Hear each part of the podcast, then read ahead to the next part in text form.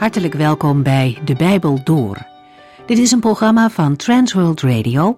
U kunt ons ook vinden op internet www.transworldradio.nl. De Bijbel Door is een radioserie die in vijf jaar tijd door de hele Bijbel gaat. Van Genesis tot Openbaring, van kaft tot kaft.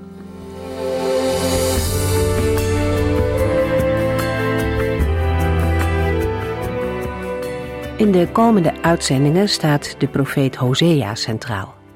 De vorige keer hoorde u een inleiding op het boek van deze profeet en daarin hebben we allereerst stilgestaan bij wat een profeet nu eigenlijk is. Is een profeet een door God gezonde man die de toekomst voorspelt? Op zich spreken profeten wel over de toekomst, maar de profetische boodschap in de Bijbel gaat over veel meer dan de toekomst. Een profeet in de Bijbel spreekt ook over wat er al gebeurd is en over zijn eigen tijd.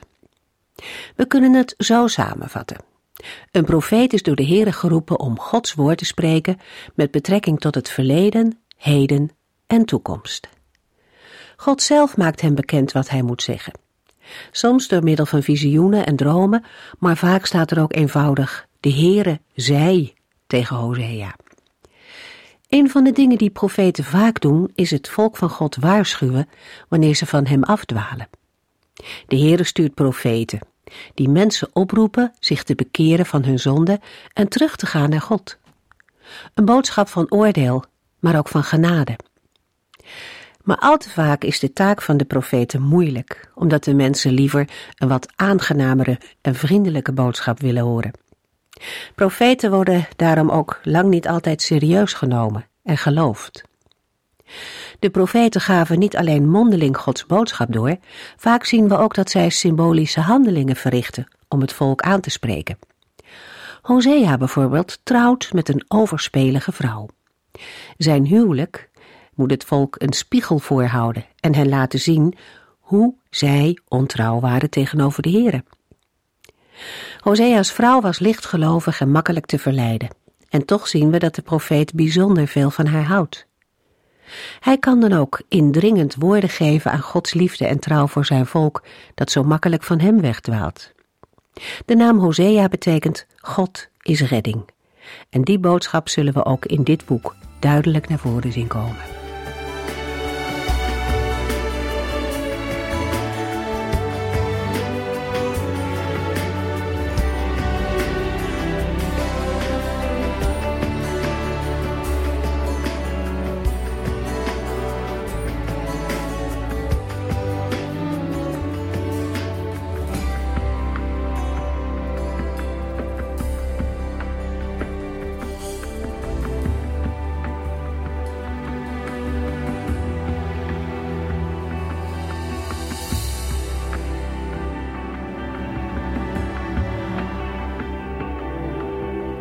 Deze uitzending gaan we nog verder in op de achtergronden van het Bijbelboek Hosea.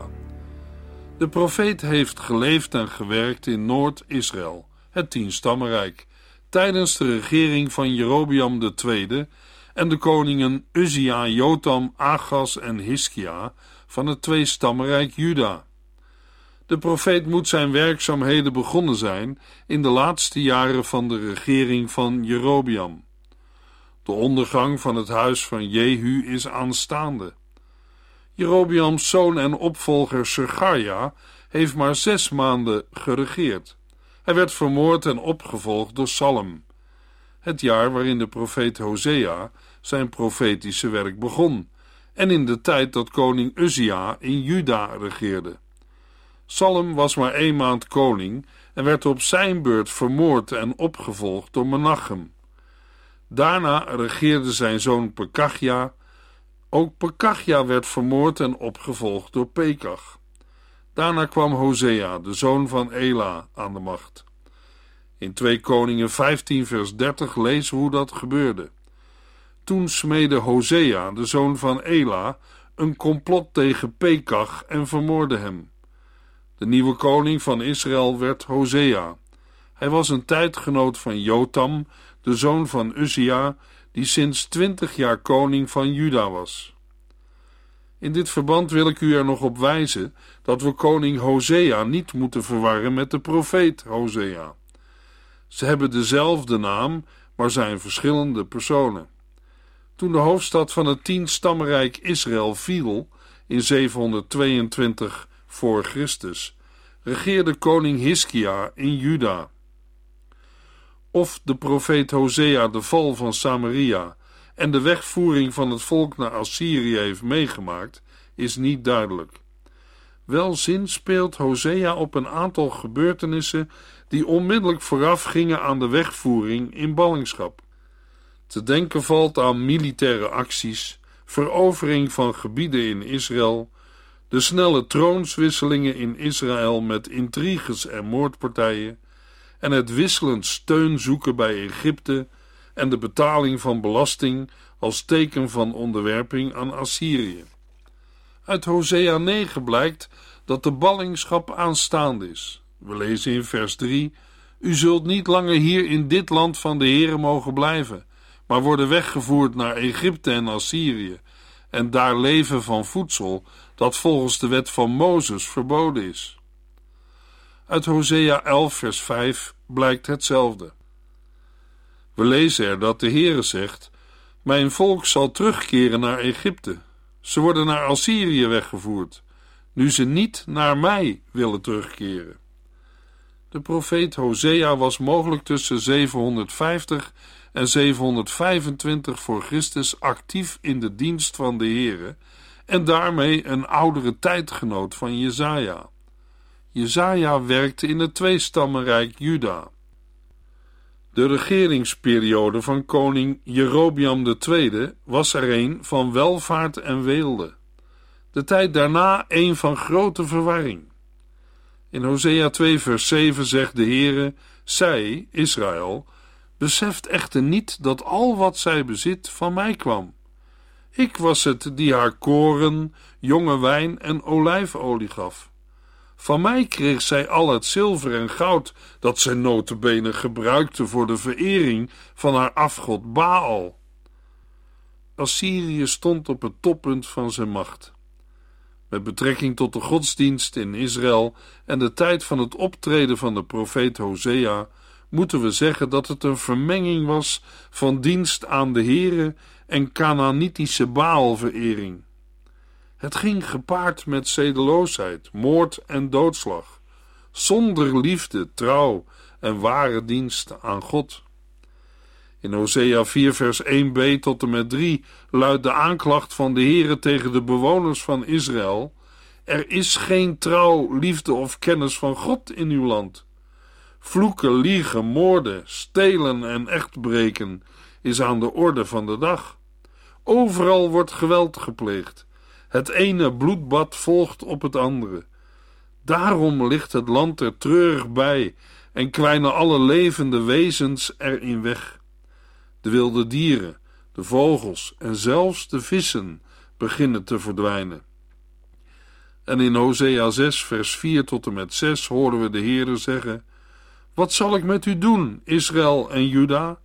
Want uw liefde verdwijnt als wolken in de morgen en verdampt als dauw in de vroege ochtend. Ik stuurde mijn profeet om u te waarschuwen voor uw ondergang. Ik heb u harde klappen toegebracht met mijn woorden en met de dood bedreigd. Onverwacht werd u getroffen door mijn veroordeling, als door een plotseling doorbrekend licht. Ik wil uw offers niet, ik wil uw liefde. Ik hoef uw brandoffers niet, ik wil dat u mij kent. Al eerder zagen we dat het optreden van de profeet Hosea plaatsvond in het tienstammenrijk Israël.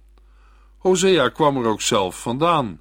Dat weten we onder andere uit Hosea 7 vers 5, waarin de Hebreeuwse tekst wordt gesproken over onze koning. Plaatsen waar Hosea predikte waren Samaria, de hoofdstad van het tienstammenrijk, Bethel, door de profeet ook wel Bet Awen, huis van ongerechtigheid genoemd, en Gilgal. Het waren plaatsen waar heiligdommen stonden en de verwereldse en verworde dienst van de Here werd gepraktiseerd. Van Hosea's persoonlijk leven weten we alleen dat hij was getrouwd met Gomer, een overspelige vrouw die hem ontrouw werd. Toch had hij haar lief. Zijn huwelijk was dan ook een beeld van de ontrouw van het volk Israël tegenover de Here, die het volk zijn liefde bleef bewijzen.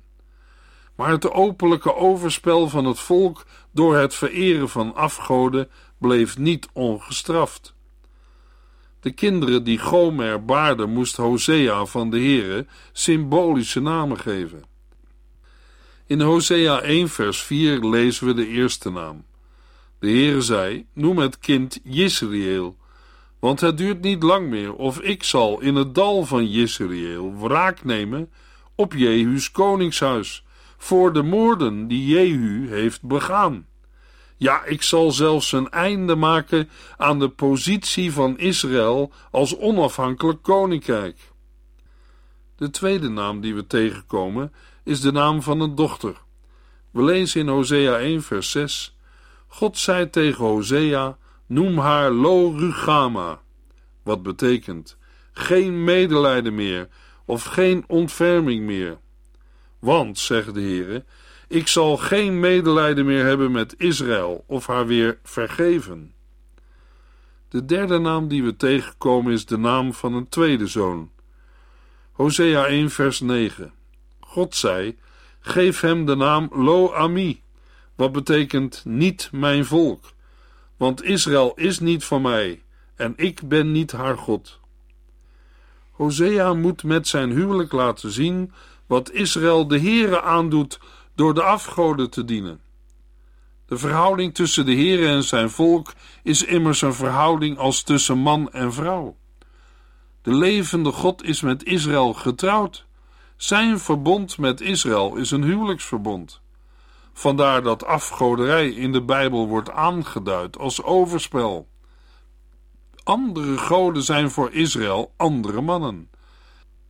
Het is met het oog daarop dat we in Psalm 73, vers 27 lezen: Wie niet met u leven, gaan hun ondergang tegemoet. U vernietigt ieder die u verlaat en andere goden dient. Als het volk van Gods verbond andere goden dient boven de Heere, dan keert het de Heere de rug toe. Of die goden dan oude of moderne namen van vandaag hebben, dat doet er niet toe. In Jesaja 54 vers 5 lezen we ook dat de Heere met Israël is getrouwd. We lezen er, want uw schepper of maker zal uw echtgenoot zijn. Heere van de hemelse legers is zijn naam.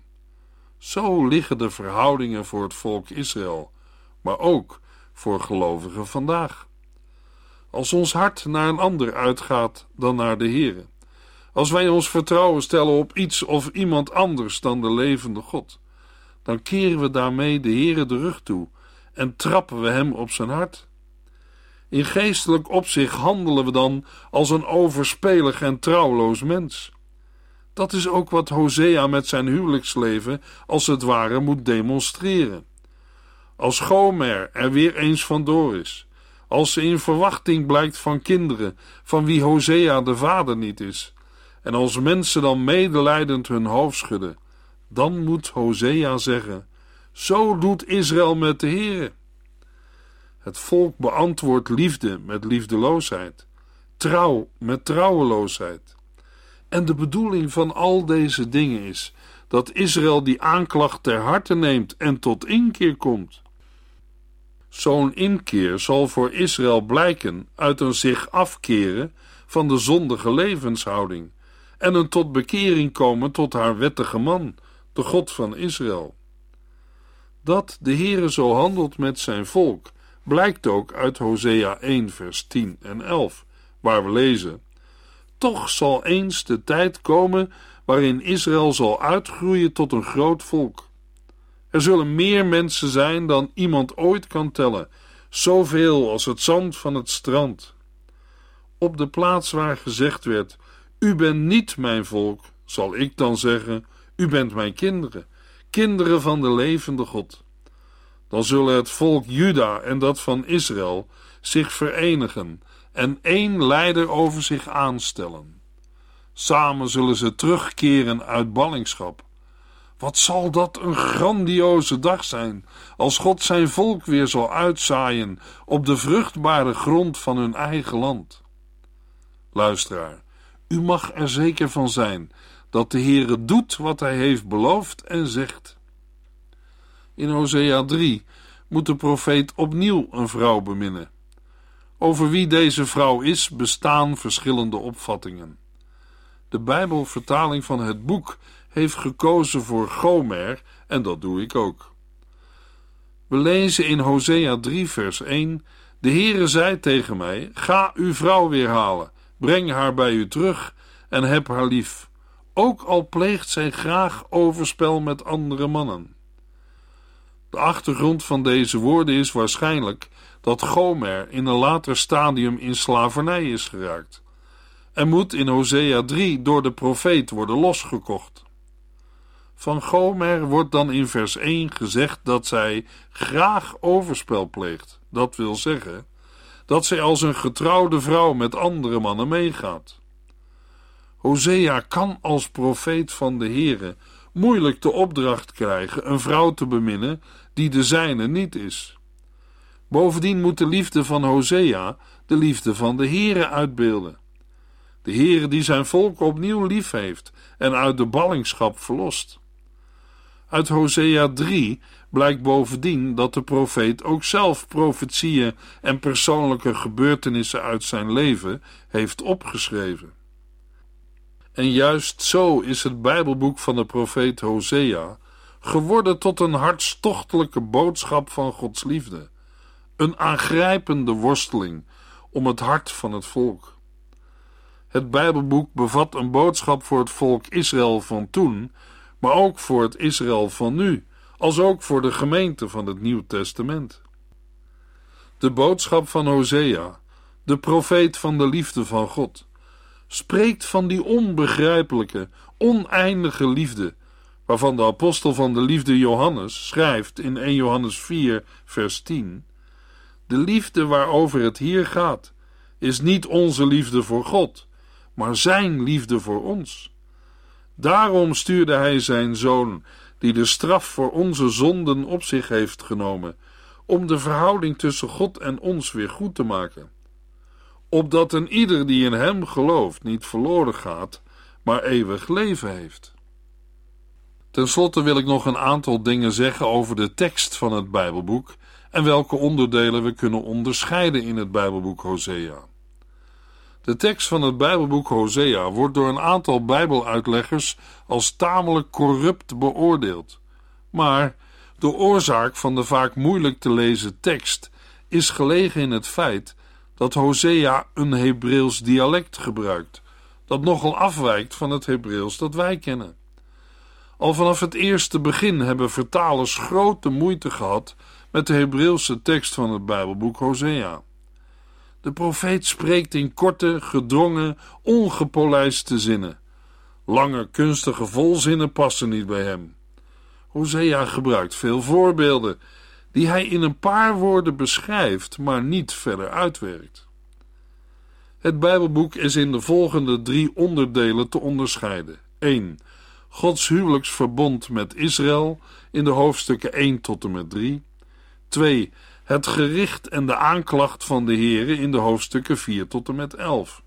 En 3. Gods genade en belofte in de hoofdstukken 12 tot en met 14. Een meer uitgewerkte indeling kan zijn Hosea 1 vers 1 met het opschrift, de datering en de naam van de schrijver. In Hosea 1 vers 2 tot en met 12 lezen we over het huwelijk van de profeet en de geboorte van drie kinderen. In Hosea 2 vinden we de aanzegging van het oordeel en de verkondiging van Gods genade, met op de achtergrond het beeld van het huwelijk van Hosea. In Hosea 3 lezen we: Zoals de profeet opnieuw zijn vrouw bemint en loskoopt, bemint de Heere opnieuw zijn volk en verlost hen uit de ballingschap. Hosea 4 handelt over de zonde van het volk en de priesters. En in Hosea 5, vers 1 tot en met 7 lezen we over Gods oordeel over de priesters, de koningen en het volk. In Hosea 5, vers 8 tot en met 15 lezen we over Israëls steunen op andere volken en de boodschap: zonder bekering is er geen genezing en herstel. In Hosea 6, vers 1 tot en met 3 vinden we een boetelied.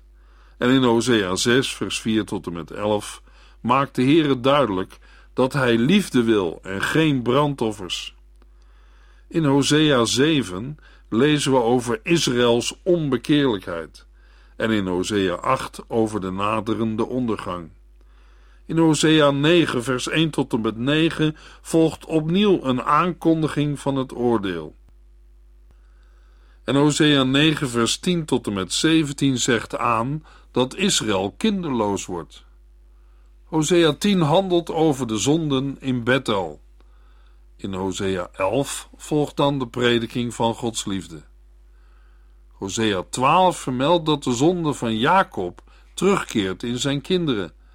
En in Hosea 13 maakt de Heer duidelijk dat Israël niet ontkomt aan het oordeel. Ten slotte volgt in Hosea 14 vers 2 tot en met 9 een oproep tot bekering en een belofte van herstel.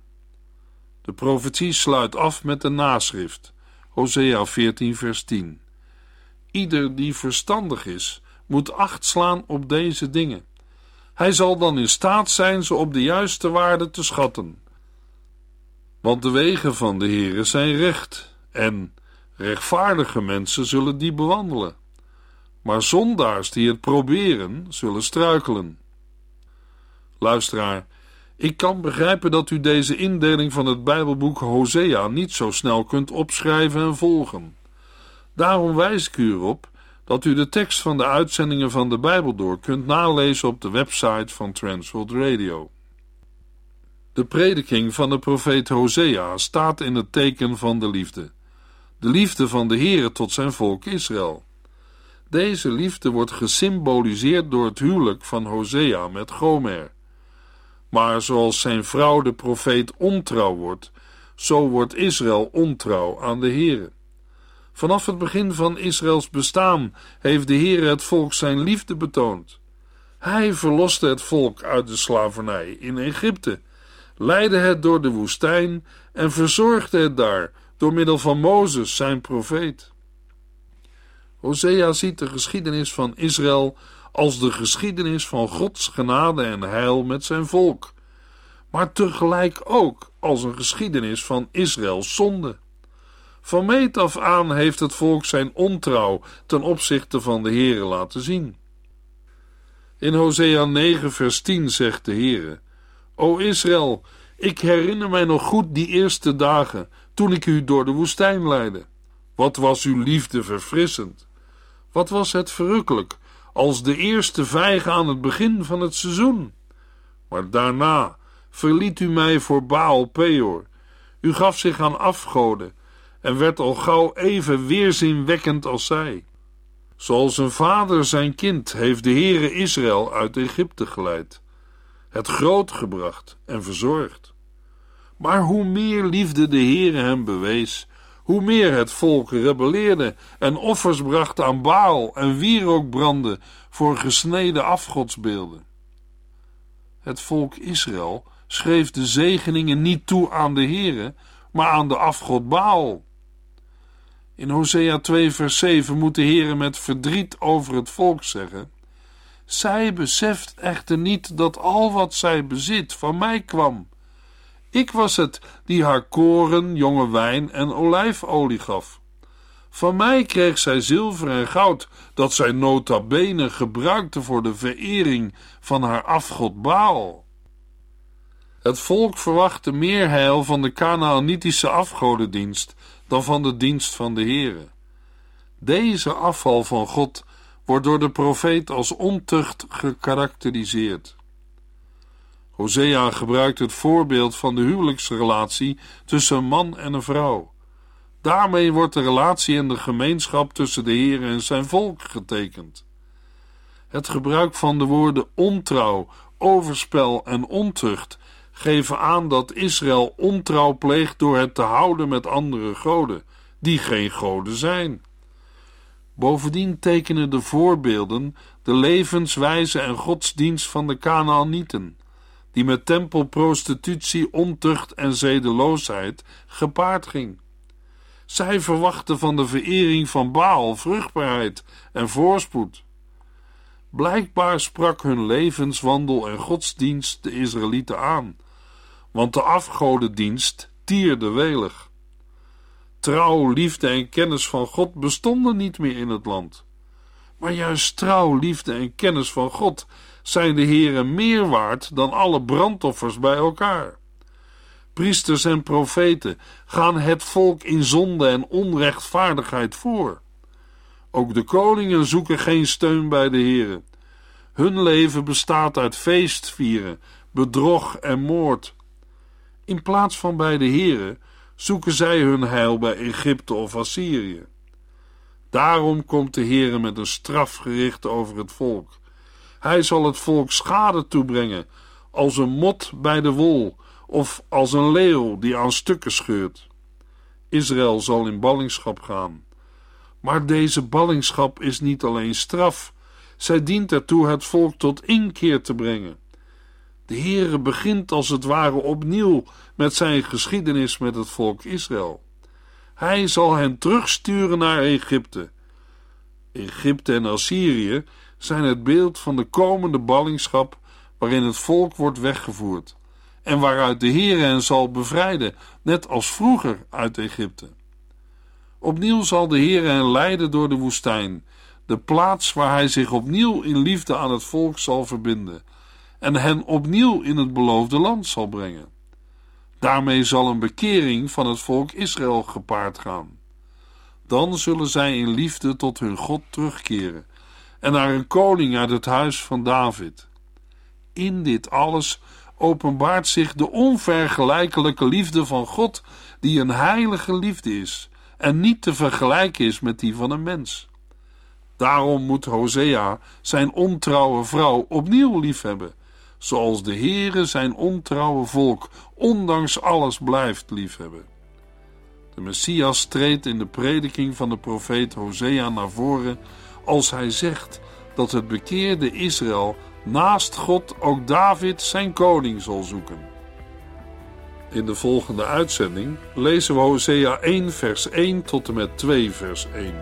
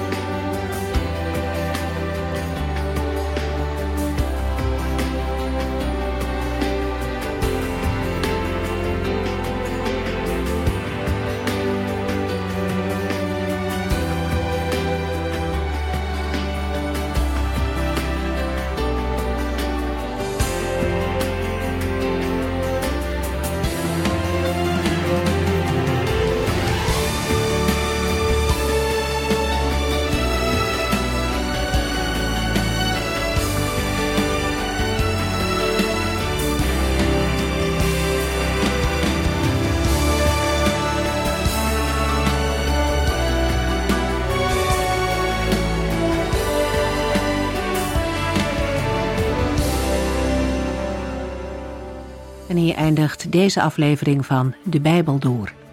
Een serie programma's van Transworld Radio. Wilt u ons iets vragen of meer weten? Dan kunt u altijd contact met ons opnemen. Bellen kan overdag met 0342 478432. Per post Transworld Radio. Postbus 371. Postcode 3770. Anton Johannes in Barneveld. En e-mailen kan ook. De Bijbel door at transworldradio.nl En natuurlijk ook via onze website transworldradio.nl Dit programma werd gepresenteerd door Cor Weda en Ike André. En namens iedereen die er nog meer aan meegewerkt heeft, graag tot de volgende keer.